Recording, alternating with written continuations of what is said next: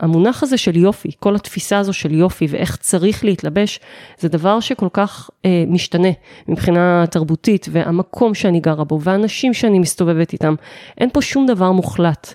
ובגישה שלי, שאני קוראת לה גישת styling therapy, אני מדברת על להשתמש בלבוש כאיזושהי דרך לגלות את עצמך. לאורך כל החיים, לא רק בגירושים. ברוכים הבאים לבית הספר לקרמה טובה. אני עורכת הדין רות דהן וולפנר ואני אדבר איתכם על זוגיות, על גירושים וכמובן על קרמה שהיא בעצם תוצאה. היי, ברוכים הבאים, והיום איתנו דוקטור טלי סטולובי. היי טלי. היי. מה שלומך? בסדר גמור. טלי היא חוקרת את הפסיכולוגיה של הלבוש. אה, האמת שלא יצא לנו לדבר בפודקאסט על אה, בגדים, אבל זה נושא חשוב, מסתבר, וגם חביב עליי במיוחד. אה, אז בואי נדבר על זה. בואי נדבר על קודם זה. כל, מה זה בכלל פסיכולוגיה של הלבוש? למה ללבוש יש פסיכולוגיה? אני עד עכשיו חשבתי שיש לו רק אה, סטייל ומחיר. כן, כן, זה תחום מרתק, שככה מתפתח בארץ וגם אה, בחו"ל, בלונדון ובניו יורק. זה תחום שמבוסס על הקשר בין בגדים לבין רגשות. איך סגנונות לבוש מדברים תכונות אישיות של אנשים, את המקצועות שלהם, את התפקידים שלהם, את מהלך החיים שלהם. יש גם את הפסיכולוגיה של האופנה, שעוסקת ככה בצרכנות, איך אנחנו קונים בגדים, באיזה חנויות אנחנו קונים, ואיזה מותגים אנחנו בוחרים. אה, וזאת הפסיכולוגיה של הלבוש. אני גיליתי אותה ככה לפני אה, שמונה שנים, בעקבות תהליך אישי שלי, עם הבגדים שלי. אני אה, במקור דוקטור לעבודה סוציאלית, אני באה מתחום הטיפול, מהמחקר, שום בגדים, שום styling, ממש ממש לא, עולם בריאות הנפש, הארדקור. ומה שקרה זה שתהליכים שאני עברתי, שינויים עם הגוף שלי, הובילו אותי למסע חיפוש עם הבגדים שלי. שבתוך המסע הזה הבנתי שהארון שלי בכלל לא משקף את מי שאני רוצה להיות. ועברתי תהליך שבו התחלתי לשנות מהותית את איך שאני מתלבשת, וקלטתי שכשאני משנה את איך שאני מתלבשת, אני משנה את איך שאני מתנהגת, את איך שאני מרגישה עם עצמי, את איך שאני הולכת, ובהמשך גם הגיעה הסביבה, איך שהסביבה תפסה אותי. וככה למעשה גיליתי, בהתחלה זה התחיל כאינטואיציה, ואז כמובן התחלתי לחקור את העניין, כי זה מה שאני עושה, אני חוקרת, וגיליתי שיש פסיכולוגיה של הלבוש שהיא כמעט ולא מדוברת. זאת אומרת, את בעצם אומרת לנו, זה שאנחנו לא מתלבשים לפי הפסיכולוגיה שלנו, זאת אומרת, נגיד אני מרגישה חרא עם עצמי איזה יום, אז אני אתלבש, אה, לא אשקיע בביגוד, בואי נגיד ככה, אלא שאם אנחנו נבחר בגדים אחרים, אנחנו נוכל להשפיע על ה-state of mind שלנו. התשובה היא גם וגם. זאת אומרת, מה שיש לכולנו בארון עכשיו משקף את איך שאנחנו מרגישים, את תקופת החיים, את המצב שלנו, מה קורה לנו בחיים, וגם את היחסים עם הגוף שלנו. אבל כשאני מדברת ממש על תרפיה דרך לבוש, אני אומרת בואו נתחיל לקחת את הבגדים שלנו וברמה היומיומית לעשות מיינדפולנס עם בגדים, ולחשוב איך אני רוצה להרגיש ומי אני רוצה להיות, ובהתאם לזה לבחור את הבגדים ברמה הכי הכי פרקטית, את הצבע, את הסגנון, את מה שאני צריכה, כדי להיות מי שאני צריכה ורוצה להיות באותו יום, ובכלל, בשלב, בשלב זה של חיי. אז זהו, אז דיברנו קודם שנשים שמתגרשות מגלות את עצמם. נכון. ומתחילות נכון. להתלבש אחרת. אז קודם כל בוא מיד נפריך את המיתוס המגעיל שגרושות לובשות מנומר ויש להם לק אדום ומתקלף על האצבעות. לגמרי. לא. לגמרי. לא נכון. ממש לא. זה אפילו מעליב, אני חייבת להגיד. זה, את יודעת, זה, זה מיתוס, אה, אני חייבת להגיד על זה משהו, שנובע מזה שהחברה עושה איזה סוג של דמוניזציה למיניות הנשית. שמיניות נשית אה, נתפסת כמשהו זול, או משהו לא תקין, או משהו לא בסדר. עכשיו, לק אדום ולבוש מנומר, זה, זה סמלים תרבותיים למיניות נשית. עכשיו, גירושים הרבה פעמים מקושרים לנשים שמגלות את המיניות שלהן. למה? כי הן יוצאות חזרה לעולם הרווקות ומחפשות בן זוג. אז יש את המיתוס הזה של, ה, של המתלבשת הפרובוקטיבית, אבל אישה ממש לא צריכה להתלבש פרובוקטיבי כדי להיות מחוברת למיניות שלה, וזה עוד אחד מתוך ערימה של מיתוסים שמפילים עלינו אה, כנשים. שלצערי אנחנו גם עושות את זה מאוד מאוד אחת לשנייה. אבל אם כבר אנחנו למשל? מדברות על גירושים, כמו, מה אנחנו עושות אחת לשנייה? מיתוסים. וואו, תקשיבי. קודם כל, כל עולם ה styling, שאני ככה יצא לי להכירו לעומק, אה, מבוסס על ביקורת. בואי, נגיד את הדברים כמו שהם. נקרא לילד בשמו? נקרא לילד בשמו. כבר כשאת הולכת לחנות הקרובה למגורייך, את פוגשת שם מוכרת שהשפה שלה זה שפה של ביקורת וטיפים, שטיפ זה מילה מכובסת לבואי אני אגיד לך מה טוב לך ו- ומה לא טוב לך. ואנחנו כנשים גם עושות את זה מאוד מאוד אחת לשנייה, ומחקרים מראים שביקורת קשה ביותר מגיעה אה, אה, מנשים אל נשים. זאת אומרת, לא רק ה, מה שנקרא הפטריארכיה וגברים שאנחנו ככה אומרות עליהם וזה, אנחנו גם צריכות להסתכל לעצמנו בעיניים ו, ולהבין שאנחנו הרבה פעמים ממשטרות אחת את השנייה, והלבוש מבטא הרבה מאוד את, ה, את העניין הזה של איך אישה אמורה אה, לחיות, להתנהג, להרגיש, ולצערי אנחנו עושות את זה הרבה מאוד גם אחת לשנייה, לא רק בגירושים, אלא לאורך כל החיים, וגם אימהות יכולות לעשות את זה לבנות שלהם. תמיד. אה, בוודאי, ואחיות וחברות, ואנחנו צריכות טוב טוב לחשוב איזה מיתוסים אנחנו מפילות אחת על השנייה, וגם להבין, וזה חלק מהפסיכולוגיה של הלבוש, שאין דבר כזה יפה או לא יפה. המונח הזה של יופי, כל התפיסה הזו של יופי ואיך צריך להתלבש, זה דבר שכל כך אה, משתנה מבחינה תרבותית, והמקום שאני גרה בו, והאנשים שאני מסתובבת איתם, אין פה שום דבר מוחלט. ובגישה אה, שלי, שאני קוראת לה גישת styling therapy, אני מדברת על להשתמש בלבוש כאיזושהי דרך לגלות את עצמך. לאורך כל החיים, לא רק בגירושים, אלא בכלל להבין מה ה style שלי, למה אני בוחרת את מה שאני בוחרת, האם הארון שלי משקף את התפקידים, את הציפיות, את הרצייה החברתית שנשים מאוד מאוד גבוהות בה, הסיפור הזה של להיות האישה המרצה, או שאני מקבלת בחירות מודעות שמשקפות באמת את מי שאני, את מי שאני רוצה להיות, את היחסים שלי עם העולם, את היכולת שלי להחליט לבד, שזה הדבר אה, בעיניי שלבוש יכול לתת לנו כמתנה. המסוגלות הזו להבין מה יפה בעיניי, איך אני רוצה להתלבש, לא איך המוכרת אמרה לי, או אימא שלי אמרה לי, או החברה שלי במשרד אומרת לי. או בעלי. או בעלי, או פה אנחנו כבר נכנסות לקשר. מה, בואי נדבר על זה רגע. אז בתוך קשר, אה, בגדים הם כמו ססמוגרף שמראה את התקשורת שיש בינינו. זאת אומרת, כבר בתוך היחסים עצמם, בתוך הנישואים, אישה מתלבשת, והשאלה היא מי רואה אותה שם. האם יש מי שרואה? אה, איך הוא רואה, איזה מבט יש שם. האם יש שם מבט ביקורתי? האם יש שם מבט חומל? האם המבט הוא חברי? האם מותר לבן זוג להגיד, לבן זוג להגיד לי, אני לא אוהב את הצבע שאת לובשת, או את הבגד שאת לובשת? אז התשובה היא, דרך אגב, מותר. אבל השאלה האמיתית היא, מה אני עושה עם הדבר הזה? זאת אומרת, האם מותר לו, ואז אני אה, אגיד, טוב, אני לא לובשת את השמלה הזאת יותר, שאני מכירה מקרים כאלה. אה, סיפרת לי מקודם על מישהי שחיפשה, חיפשה בגד, כן, חיפשה בגד, שעתיים שלמות, הלכה לאיזה יריד מעצבות, עזרו לה שם כולם, המעצבת והמוכרות וחברות שלה, עזרו לה לבחור שמלה. שעתיים שלמות עד שבחרה שמלה, חזרה הביתה עם השמלה, הראתה את השמלה לבן זוג שלה, והוא אמר לה שהוא לא אוהב את, את הצבע של השמלה. עשתה אחורה פנה, חזרה באותו יום ליריד והחזירה את השמלה.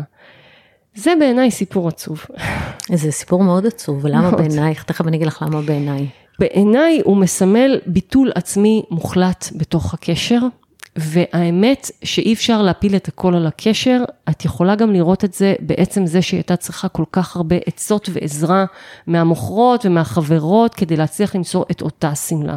ואני לא בטוחה שאותה שמלה אפילו שיקפה אה, שביעות רצון ובחירה חופשית, כי האישה הזו כל כך הייתה עסוקה באיך אחרים רואים אותה ולקבל את אישורם, שאני אפילו לא יודעת אם מלכתחילה זאת באמת הייתה הבחירה שלה. זאת אומרת, יש לנו פה בעיה מאוד קשה של ערך עצמי.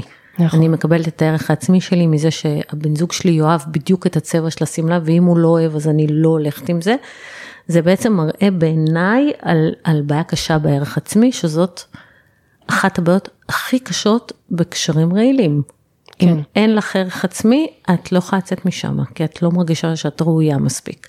נכון. אז אם את לא ראויה מספיק לבחור לעצמך את הבגד, שימי לב, יש פה בעיה. נכון. אתם כבר יכולות להבחין מה רמת הערך העצמי שלכם, אם אתם יכולות להחליט שזה יפה ביניכם, שהצבע הזה מוצא חן בעיניכם, אתם לא צריכות 100 יועצות, וגם בטח, יכול, הוא יכול לא לאהוב את זה. סבבה שהוא לא אוהב את זה, אבל אם אני אוהבת את זה, אז כאילו, אל תאהב. וגם, את יודעת, הוא יכול להגיד לי, ואני דווקא שמחה שהוא יגיד לי, כי אני רוצה פתיחות ואמון בקשר בינינו, שיגיד, אבל אני אעשה את הבחירות שלי. ודרך אגב, סוגריים חשובים, שאני גם יכולה להתלבש לכבודו. וזה גם משהו שמראה על uh, קשר, על, על חברות. זה שאני רוצה לשמח את הבן זוג שלי ואני לובשת שמלה שהוא אוהב, כי אני יודעת שזה נעים לו, זה, זה חלק מהדינמיקה בינינו, זה דבר מאוד מאוד יפה. השאלה היא, איך אני עושה את זה, מתי אני עושה את זה, לכבוד מי אני עושה את זה, והאם זאת בחירה. אוקיי? אז, אז כל עוד זה באמת מתוך בחירה ובנקודות זמן שמתאימות לי, אז זה נהדר בעיניי. זה נהדר, זה דרך להרגיש ביחד. אוקיי. יש אפילו, דרך אגב, זוגות שמתלבשים אה, ככה מאוד מאוד דומה. יש תמונה מפורסמת אה, של הילרי קלינטון וביל קלינטון עומדים ככה בנאום שלה אחרי ההפסד שלה בבחירות. ויש ביניהם תיאום. אה, היא לבשה שמלה סגולה והוא לבש חליפה עם, עם עניבה סגולה, והיה שם משהו ב, בתיאום הזה ביניהם ששידר אני איתה, אני, אני מאחוריה, אני איתה, והיה בזה משהו מאוד מאוד יפה. טוב, בקשר לביל וילרי, אני מניחה שיש אנשים שמלבישים אותם. אה, ודואגים מסכימה. לזה שזה יהיה תואם, וזה לא בהכרח מעיד על הזוגיות שלהם, שאנחנו יודעים שעברה אה, כמה סיגרים. אה, לגמרי. אמ, ובאמת זה מביא אותנו למקום שהרבה פעמים מישהו קובע לך את הלבוש. יש בתוך זה, נגיד פה במשרד יש קוד לבוש. אי אפשר ללבוש מה שרוצים, אי אפשר לבוא עם כפכפים, אי אפשר לבוא עם גופיות אה, בקיץ, אה, או עם בגדים שקופים ומאוד נועזים. פעם גם לא הרשיתי נמר, היום אני מורשה כי זה אופנתי. אה, זה כבר לא נהיה איזה משהו, את יודעת, זנותי. ו... ומותר רק ביום חמישי ללבוש ג'ינס, כי הייתה דרישה מהקהל. אמ, ו... ובעצם זה סוג של הכתבה. קוד לבוש אה, זה, זה ביטוי מאוד מאוד מורכב. מצד אחד, קוד לבוש זה דבר מאוד מאוד אדפטיבי, ואני בטוחה ששמת לב שכשאנשים מתלבשים לתפקיד, הם מתפקדים יותר טוב. זאת אומרת, זה עוזר להם להרגיש מקצועיים יותר, יש גם מחקר שמגבה את זה. שסגנון לבוש פורמלי, כמו שאמרת, ככה גורם לאנשים להרגיש סמכותיים יותר ולתפקד יותר טוב בעבודה. אבל השאלה היא, אה, מה מרחב הבחירה בתוך קוד הלבוש הזה? כן. אוקיי? אז אה, זאת השאלה האמיתית. לא, עכשיו, ברור שיש מרחב בחירה. זה שלמקומות עבודה יש, אה, צריך להיות קוד לבוש, ודרך אגב, שהוא צריך להיות שוויוני בעיניי, זה דבר שהוא לטובת כולם. כי גם לי, זה מאוד מאוד יעזור להשאיר קצת את הבית בבית, ואולי את הקשיים שיש לי מחוץ לעבודה, אוקיי? ולעזור לי להיכנס לתוך התפקיד דרך הבגדים האלה, כשאני יודעת שאלה בגדי עבודה. הדבר הזה, דרך אגב, מגובה מחקרית. יש מחקר שמבסס תהליך שנקרא קוגניציה מבוססת בגד. אני אשמח לספר על המחקר הזה, אז זהו, אז זה אדם וגלינסקי, החוקרים המהוללים שעשו את הדבר הזה, שככה אה, הזמינו אנשים למעבדה שלהם לענות על מבחן סטרופ. מבחן סטרופ זה מבחן פסיכולוגי שמודד אה, זמן וריכוז. במבחן מקרינים לך שם של צבע. שצבועה בצבע אחר, נגיד המילה אדום, צבועה בירוק, את צריכה להגיד את הצבע. ולא את הצבע את ה... שאני רואה, לא את המילה. בדיוק, וככה כאילו אני אמורה להגיד ירוק, מבלבל, למרות שכתוב אדום. אדום, בדיוק, ו... וזה מאוד מאוד מבלבל, ככה שני צדדי המוח במאבק, וחצי מהאנשים קיבלו חלוקים לבנים. ללבוש חלוקים לבנים בזמן המבחן. מה שקרה, זה שאנשים בחלוקים הלבנים, גם גברים, גם נשים, ענו מהר יותר ונכון יותר. ואז אדם וגלינסקי אמרו, אוקיי, בואו ניתן לכולם חלוקים לבנים. הם עשו מחקר המשך, נתנו לכולם חלוקים לבנים, לחצי הם אמרו שהחלוק הוא חלוק של צייר, ולחצי השני הם אמרו שזה חלוק של רופא. מה את אומרת שקרה, רות? אלה עם הרופא הרגישו, נכון. עברו יותר טוב. ממש ככה.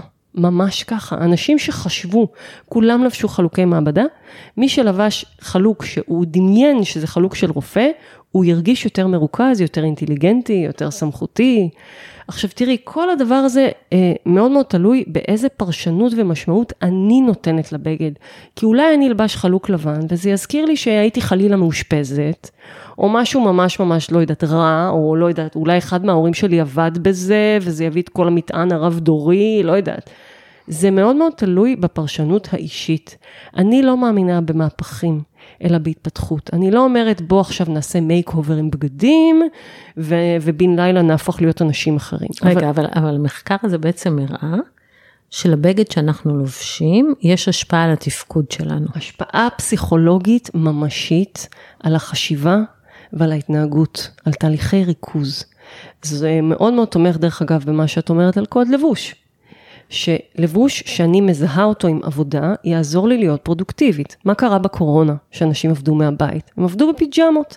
באמת עשו מחקר, ומצאו שאנשים שעבדו בפיג'מות מהבית, בריאות הנפש שלהם הייתה נמוכה יותר, הפרודוקטיביות שלהם הייתה נמוכה יותר, ביחס לאנשים שעבדו מהבית בבגדי עבודה. עכשיו זה קורונה, אף אחד לא ראה אותנו בכלל. כן אנחנו בזום. דרך אגב, גם עם הזום אנשים עשו דברים יצירתיים לחלוטין, שבהם... אני לבשתי חולצה מכופתרת ומכנסי קיץ. אז תקשיבי, השאלה האמיתית היא, איך זה גורם לך להרגיש? כי אני לא יכולה לבוא פה בהכללות. כן. אוקיי? זה עניין של חיבור רגשי ללבוש, זה עניין של היכולת להתרכז ולהיכנס לתפקיד. אבל אני יכולה להגיד לך בוודאות שלבגדים יש השפעה פסיכולוגית עלינו. דרך אגב, אני רוצה רגע לעצור אותך בעניין הזה. אה, אנחנו מתכוננים לדיונים, אז את יודעת שבבית משפט יש קוד לבוש שחור לבן, עורך דין צריך לבוא עם חולצה לבנה, עם צווארון, ועם ז'קט או שחור או כחול או אפור. זאת אומרת, אין, אין, יש קצת, את יודעת, כן, אפשר קצת לגוון, אבל בוא נגיד יש לי בארון איזה 40-50 חולצות לבנות, mm-hmm. כי רוב השנה אני צריכה ללבוש כל יום חולצה לבנה. ואז אנחנו מכינים את הלקוח לדיון, ואנחנו בדרך כלל, או את כל הלקוחות אנחנו אומרים להם, אל תבואי, בעיקר לנשים, אבל כי לגברים אין נטייה כזאת כל כך, אל תבואי לבושה כמו עורכת דין. אל תבואי שחור לבן. אז אני כבר אומרת לכם, אם אתם לקראת דיון משפטי ועורכי הדין שלכם לא אמרו לכם, אל, ואתם לא עורכי דין, גם אם אתם עורכי דין, אבל אתם מיוצגים על ידי עורך דין אחר, אל תבואו לבושים כמו עורכי דין. למה? אני אגיד לך למה, תגידי לי מה את אומרת על זה. בעיניי, כשאתה לובש אה, שחור לבן, אז אתה נראה כמו חלק מהצוות המשפטי, זה מייחס לך תחכום. זה מייחס לך איזשהו over ידיעה, over תחכום, ולא, בדרך כלל בהליך משפטי זה לא טוב mm-hmm. להיתפס כמתוחכם כעורך דין, או עם, עם ידיעות כעורך דין. אז אני אומרת תמיד ללקוחות לא לבוא לבוש כמו עורכי דין. עכשיו זה קטע כי יש לי לקוחה שהיא הכי לבושה מקועקעת ולבושה עם תמיד ורוד וסגול ודברים מאוד מאוד, אה, מאוד מאוד שונים מהלבוש האלגנטי של עורכי דין. ולא אמרתי לה, תבואי, אל תבואי כמו עורכת דין, כי כאילו לא העליתי על דעתי שהיא מסוגלת להתלבש כמו עורכת דין, היא באה כמו עורכת דין.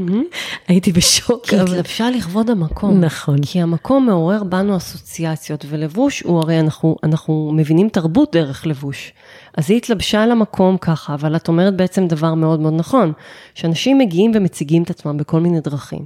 ואת אומרת כנראה ללקוחות שלך, בואו תחשבו איך אתם רוצים, רוצות להציג את עצמכם בתוך הסיטואציה הזו, ו- ותשתמשו בלבוש כאיזשהו כלי לשדר מה שאתן רוצות לשדר. לא, לפעמים אני למשל אומרת לה, תבואי הכי אלגנטית, הכי שמעיד על הכסף שיש לכם, כי אנחנו רוצים להראות שאתם משאירים, אבל אל תבואי שחור לבן, את לא צריכה לראות עורכת דין. Mm-hmm, mm-hmm. אז, אז כן, הלבוש בבית משפט יש לו משמעות. בטוח, יש לו משמעות אדירה, כן. אדירה. אה, אבל אני חייבת להגיד לך משהו, שאני לא חושבת שאפשר לזייף דרך לבוש. אני חושבת שיש אה, זליגות מסוימות דרך שפת הגוף, שככה בסופו של דבר אה, מראות איך האדם מרגיש בתוך הסיטואציה כלפי לא, אנשים ברור, אחרים. לא, ברור, זה, זה רק בקטע הראשוני, mm-hmm. שהשופט נכנס לאולם, שלא יראה צוות של עורכי דין והלקוח הוא חלק מהצוות. כן, אני כן. אוהבת שיש את ההפרדה הזאת. כן, אני חושבת שזה גם לטובתה שהיא תפריד את עצמה. אה, שהיא תבדיל את עצמה, לבוש זה דרך באמת או להיראות כמו כולם, או, או להיות בולטת. להיות בולטת, להיות אם נוכחת. אם זה מה שצריך. לא תמיד צריכה להיות בולטת בבית משפט, אבל בכל מקרה תקדישו מחשבה למה לובשים לבית משפט, ולא רעיון טוב לבוא שחור לבן. אבל זה פתחנו סוגריים, בואי נחזור לנושא שלנו. אמ, מה קורה כשמתגרשים? Mm. אני עכשיו התגרשתי, לא אני, לקוחה התגרשה, והיא רוצה להרגיש טוב עם עצמה, אבל היא, היא אף פעם לא, בגדים לא עניינו אותה, היא לא הרגישה צורך להתעסק עם זה, זה היה עניין פונקציונלי, אולי זה אפילו היה שמחה, שמתכסים איתו, מסתירים את ה-7-8 קילו שהיא עלתה בשלושת ההריונות שלה, ושהיא מרגישה דהויה ומתבאסת על עצמה, ובעלה עזב אותה בשביל מישהי יותר צעירה, מה, מה היא עושה עם זה? קודם כל, את מתארת ככה אה, תוצר של תהליך. אה, את יודעת יותר טוב ממני שגירושים זה תהליך, זה תהליך ארוך, אה, ככה הגירושים זה רק סיום של משהו שמתחולל בתוכה, בתוך הנפש שלה, במשך תקופה. וחלק מהשאלות שנשים שואלות עצמן בשלב הזה, זה, זה מי אני רוצה להיות. כי בצד האובדנים... לא תמיד הן שואלות את עצמן, את אומרת שצריך לשאול את עצמן. לגמרי, לגמרי. כי אם אנחנו רוצות לכוון לכיוון של צמיחה, מתוך המשבר הזה. אוקיי? אז אנחנו אומרות, בוא נשתמש בבגדים כאיזושהי דרך לחשוב מי אני רוצה להיות עכשיו, איך אני רוצה שהפרק הזה בחיי ייראה. עכשיו, ברמה הכי פרקטית, התחלנו ככה מהמהותי, בוא נעבור לפרקטי. לפתוח את ארון הבגדים ולראות מה, מה מתחולל שם, מה, מה הולך, איזה, איזה שנים, איזה תקופות, איזה נשים יש לי שם אה, בארון הבגדים, מי הייתי בתוך הנישואים, איך האישה הזו התלבשה ואיך היא חיה ואיך היא הרגישה עם עצמה, ומי אני רוצה להיות עכשיו בפרק החדש הזה של חיי, איך אני רוצה להרגיש, איזה תפקידים יש לי ומה הם צריכים ממני. בדרך okay? אוקיי? כלל יש לי לכולנו אה, את המכנסיים ש... עלו עלינו לפני כל ההריונות, והג'ינס הקטנצ'יק הזה, מידה 34 או 36, שכבר שנים לא עולה עלינו, ואנחנו מסרבות לשחרר אותו. מה את אומרת על זה? וואי, אז אני אאכזב הרבה מאזינות אולי, ואני אגיד, אה, להוציא אותו מהארון, להוציא, אין, אין שום תימוכין לזה שאותו ג'ינס יעזור לנו אה, לחזור למשקל הזה, או יעזור לנו בתוך תהליכים עם האכילה או עם הגוף, נהפוך הוא, נהפוך הוא. בגדים הם דרך אה, אה, ככה או להחיות אותנו ולתת לנו אנרגיות ברגע שאנחנו לובשות משהו שאנחנו מרגישות בו טוב, או להפך, ברגע שאנחנו רואות בגד או לובשות בגד, שאנחנו מרגישות שמשהו בגוף שלי לא מספיק טוב, אנחנו בעצם מחלישות את עצמנו, אנחנו רק עוד יותר פוגעות בדימוי הגוף שלנו, שיש לו השלכות ככה באמת על כל תחומי החיים, ובגדים הם כלי אדיר לתהליך תרפויטי ש, שקשור אלינו, לגוף שלנו ולחיים שלנו ולתחושת המסוגלות שלנו, להוציא את הג'ינס ההוא, אוקיי? ואם אני ארד במשקל, אני אקנה לי ג'ינס ש, שיתאים לי, זה... זה נורא חשוב מה אני רואה כשאני פותחת את ארון הבגדים. כמה מזה רלוונטי, כמה מזה מדויק לי, כמה מזה משמח אותי. עכשיו, אם אני אישה שמאוד מאוד עסוקה בעלייה במשקל או בדימוי הגוף שלה, העצה הכי טובה שאני יכולה לתת זה להתעסק בסטייל ופחות במשקל ובגוף. אני אסביר, אני אסביר. איזה סיפור של סטייל אני רוצה לספר? איזה בגד אה, מתוחכם בעיניי, או יפה בעיניי, או מדליק בעיניי, או אופנת... אבל אני לא יודעת, אין לי סטייל, אין לי מושג. תקשיבי, מה? לכל אחת יש סטייל. אני אגיד לך למה לכל אחת יש סטייל, זה כמו שלכל אחת יש טעם באוכל. אין נכון או לא נכון, אוקיי? יש את הדברים שאני אוהבת לאכול, ויש את הדברים שאני לא אוהבת לאכול.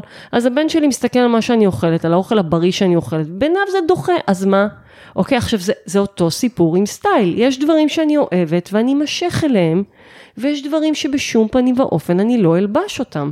התהליך הזה של הגילוי, מה אני באמת אוהבת, לא מה מספרים לי ולא מה מוכרים לי בחנות ולא מי אני אמורה להיות, אוקיי, בגיל שלי או לפי מה שהבן זוג שלי לשעבר אה, רצה שאני אהיה, אוקיי, ולפי זה להתחיל לראות האם הבחירות האלה מתאימות לי, משמחות אותי, טובות לי, וכל מה שהוא לא רלוונטי, אני חד משמעית בעד להיפרד ממנו.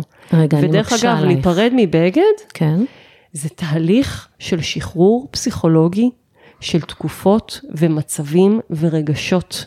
ולכן זה בכלל לא מפתיע אותי שנשים שמתגרשות או התגרשו, סיפרו לי שוב ושוב את אותו סיפור על איך הם פתחו את הארון, והם חידשו שם את הכל, הם הוציאו דברים שהם הרגישו שכבר אין להם קשר לדברים האלה יותר, והם הכניסו פנימה דברים ששיקפו יותר פתיחות לחוויה, שזו תכונה שמחקרים הראו שמאוד מתגברת אצל נשים בעקבות, ניס, בעקבות uh, גירושים, סליחה, פתיחות לחוויה, שזה אומר uh, המוכנות להתנסות uh, בשינוי, לגלות עולמות חדשים, להתגמש מבחינה פסיכולוגית, מבחינה רגשית, אז יש משהו במשחקיות עם בגדים.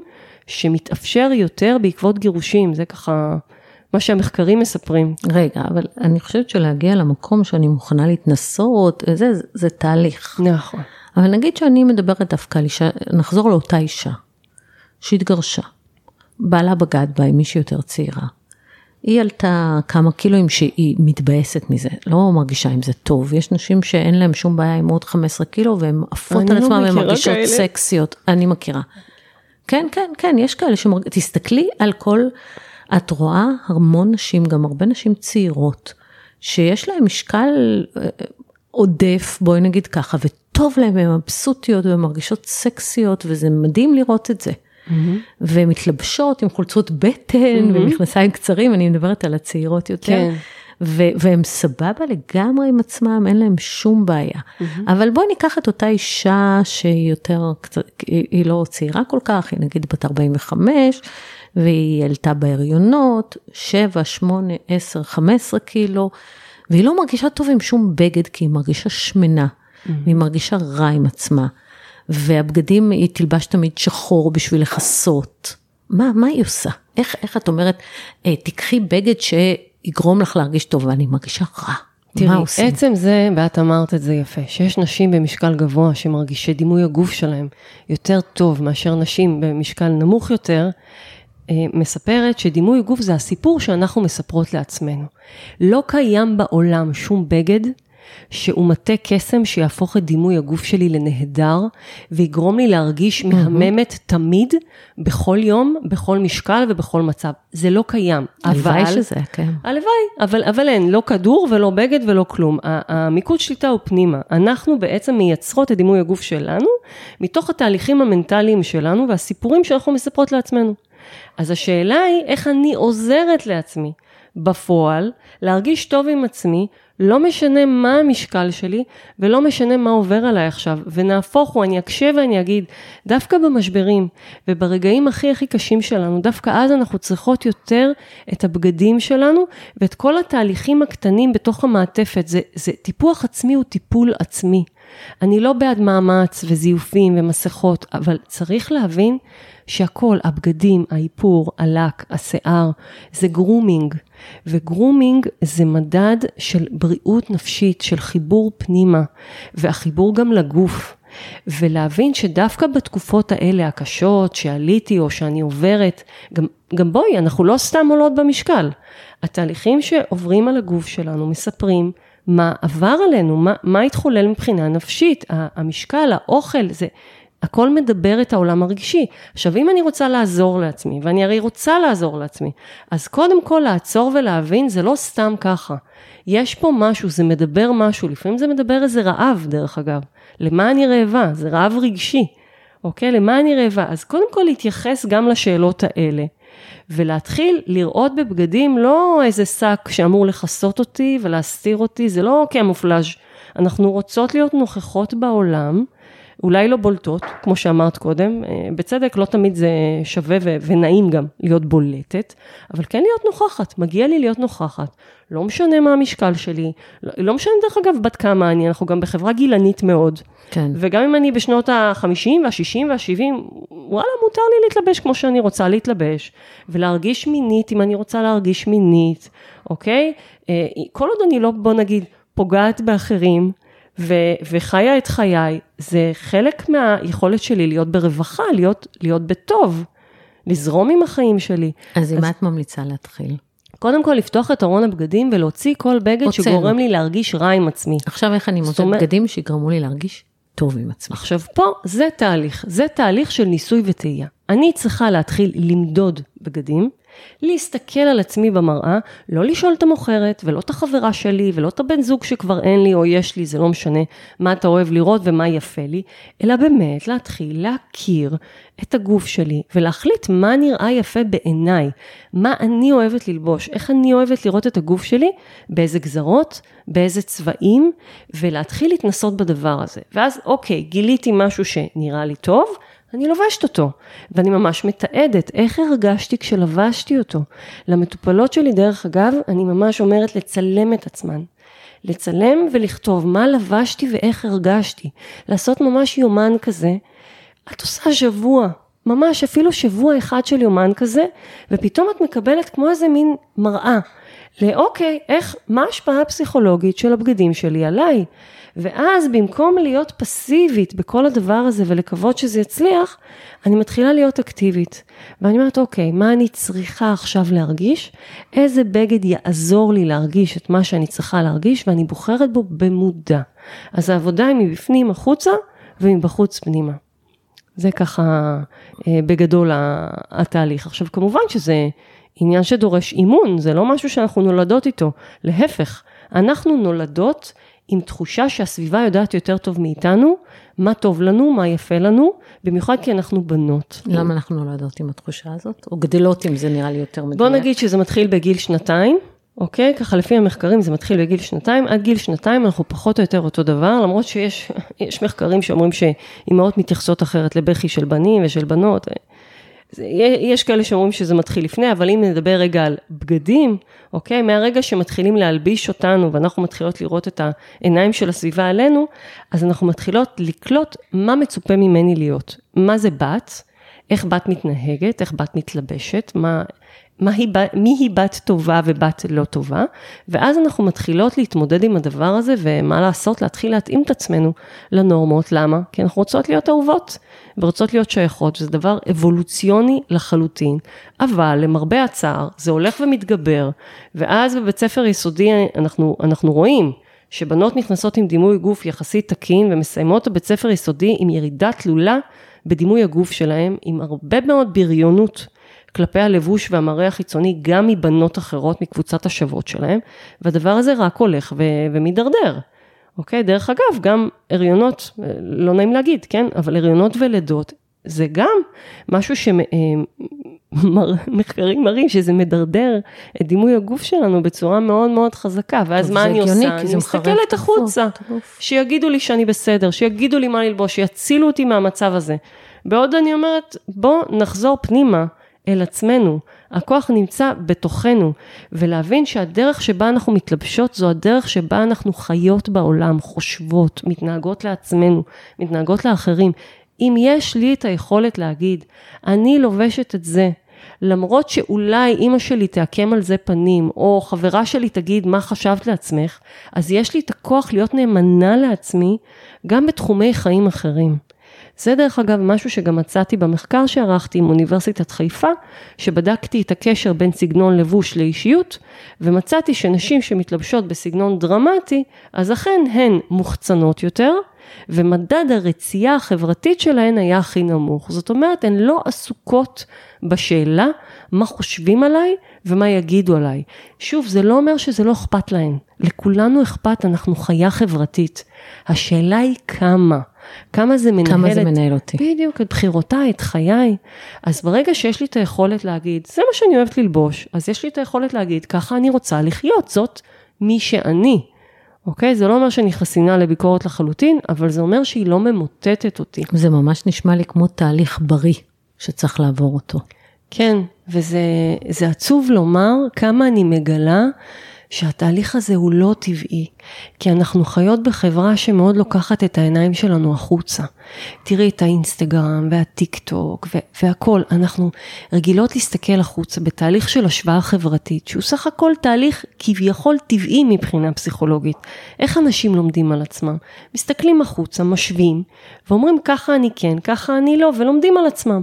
הבעיה היא שההשוואה החברתית הופכת להיות רעילה, ברגע שאני חושבת שככה אני אמורה להיות, ואז אני כל החיים במעין מאמץ להתאים לתפקידים שלי ולמראה ולגוף. לגוף ול, ולסטייל שכביכול אמור להיות יפה במרכאות ונכון במרכאות, ובאיזשהו שלב אני כבר מאבדת, מצמצמת חלקים מתוך עצמי, ברמה של אני כבר לא יודעת מה אני רוצה, מה באמת הסטייל שלי, סטייל בעיניי זה, זה, זה מילת קוד, לאיך אני רוצה לחיות, סטייל בכל דבר, יש סטייל ב, ב, בזוגיות, ויש סטייל באוכל, ויש סטייל בבית, איפה אני רוצה לחיות, ו, וכמובן גם בלבוש.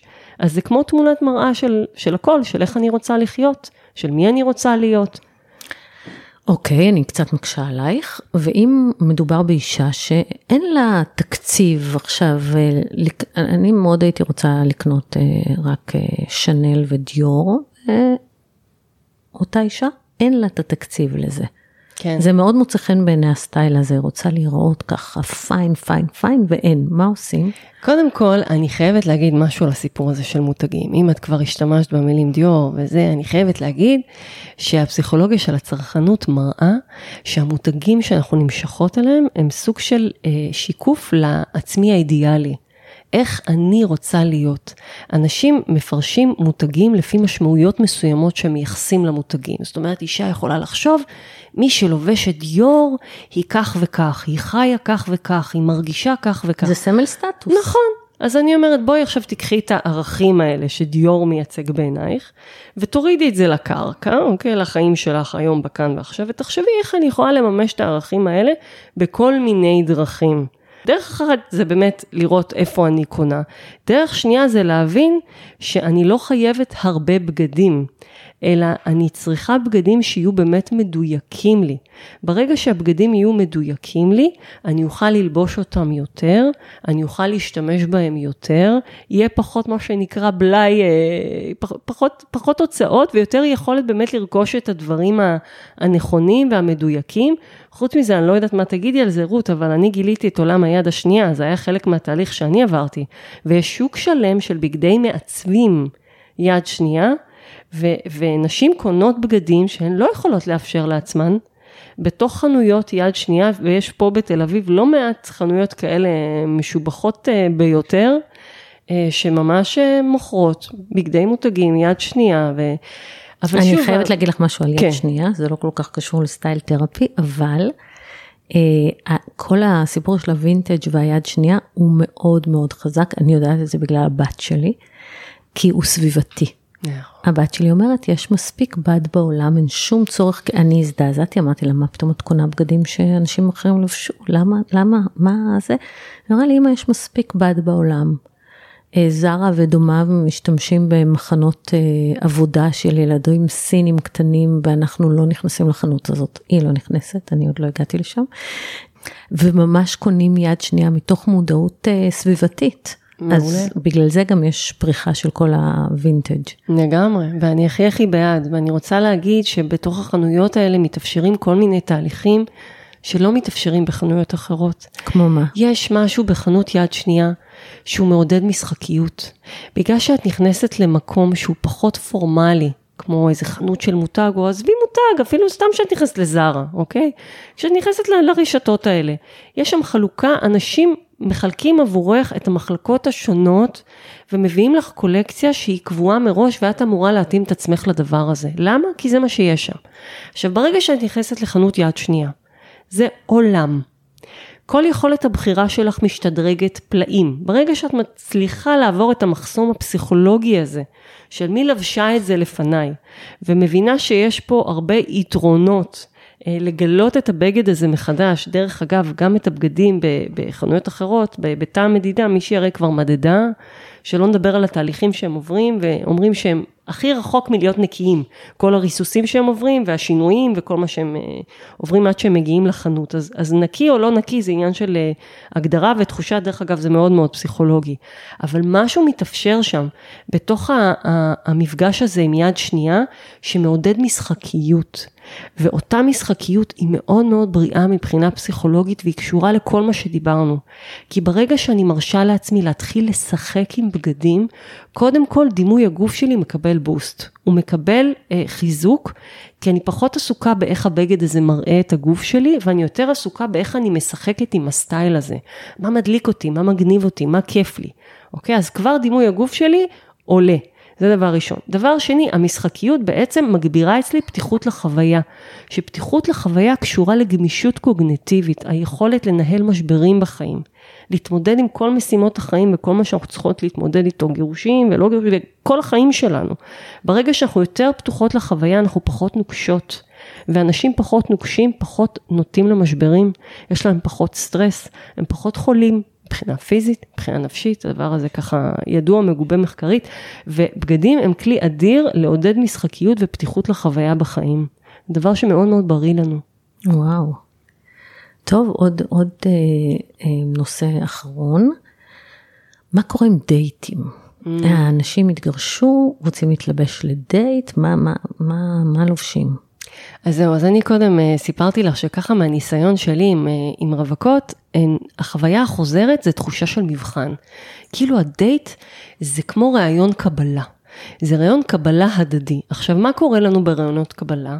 אנחנו נוטים לשים איזושהי מסכה, ואפילו מסכה מזויפת לפעמים, שנובעת מהשאלה מה אני רוצה שיחשבו עליי, וגם מה אני אחשוב על הצד השני. ואני אומרת, בוא נעשה פה איזה שינוי תפיסתי. דווקא בגלל שדייט זה סיטואציה לא פשוטה, סיטואציה מורכבת, סיטואציה שדורשת איזושהי התמודדות פסיכולוגית, בוא נחשוב איך, מה יעזור לנו להרגיש טוב בתוך הסיטואציה, ליהנות מהדייט, אני לא יודעת אם זה קונספט אה, מהפכני, כן? ליהנות מהדייט, גם אם בסוף אני לא אהיה עם הבחור הזה. אני יצאתי איתו, אני הייתי שם, מגיע לי ליהנות מהסיטואציה, ואולי אני גם אלמד משהו על עצמי, על גברים, על העולם, מה יעזור לי להיות במצב, זה נקרא מצבי עצמי בפסיכולוגיה, במצב עצמי שמאפשר לי גמישות, שמאפשר לי למידה והנאה. זה הרבה יותר טוב. מבחינה פסיכולוגית, ודרך אגב, גם מבחינת, מבחינה קונקרטית של המציאת בן זוג, זה הרבה יותר טוב מאשר להיות באיזה עמדה מתגוננת, ביקורתית, שמערכת האיום שלי ככה מופעלת, ואני אפילו קצת בפרנויה, של מה, מה הוא הולך לשלוף לי עכשיו, אה, איזה, איזה שפן יהיה מתחת לכובע שלו, ואז אני מאוד מאוד דרוכה, והוא רואה צד שלי, שאני לא בטוחה שאני רוצה להראות בדייט, ואני גם לא מה, לא בטוחה מה, שאני רוצה להרגיש, אז מה ללבוש? מה ללבוש, כל דבר שהוא משמח ועושה טוב. עכשיו, זה כבר מורכב. אם מישהי חרדתית, לפני דייטים, אני אגיד לה, תלבשי בגד מרגיע. מרגיע. איזה צבע ירגיע אותך? איזה מגע של בד על האור ירגיע אותך? איזה גזרה? מה האורך? איפה זה נוגע בגוף? כן או לא? תלבשי בגד מרגיע אם את חרדה, אוקיי? אם מישהי, בוא נגיד, קצת מדוכדכת מכל הסיטואציה, אני אגיד לה, בואי תעזרי לעצמך להתרומם. אוקיי? את רוצה לשמוח יותר, את רוצה לעודד רגשות חיוביים, אותו, אותו כנ"ל, איזה צבעים, איזה גזרות, איזה איפור, מה, מה יעזור לך? אותך? מה משמח? מה משמח? עכשיו, אם משמח אותך לבוא עם אה, נעלי עקב, תלכי עם נעלי עקב, גם אם הבחור יגיע עם אה, כפכפים. תעשי, תהיי נאמנה לעצמך, תעשי מה שיעזור לך להרגיש טוב בתוך הסיטואציה. את רוצה להרגיש מהממת? אז תהיי מהממת בשבילך, לא בשבילו, כדי שאת תלבשי את הבגד שיעזור לך להרגיש מהממת. אוקיי? ואז מה שיקרה לך מבחינה נפשית, זה שאת תהיי אה, אה, במצב בטוח, ובמצב בטוח אנחנו יכולות יותר לבטא את עצמנו, אנחנו יכולות להרגיש טוב, זה גם מגביר את הסיכוי לתוצאות חיוביות מכל הסיטואציה הזאת, דרך אגב, זה לא, זה לא רק בראש, זה גם אה, ככה מהניסיון שלי בשטח, זה, זה מאוד מאוד עוזר לנשים לעשות את, ה, את ההחלטה הנכונה, ברגע שהן נמצאות במצב אה, פתוח, לא מאוים. מדהים. טוב, טלי, וואי, אה, חידשת לנו הרבה. אה, תזכרו את זה בפעם הבאה שאתם אה, פותחות את ארון הבגדים שלכם. יש לו משמעות רצינית, גם על ה-well-being שלכם, ואני מודה לך תודה רבה. שבאת אלינו, ונתראה בפרק הבא. ביי.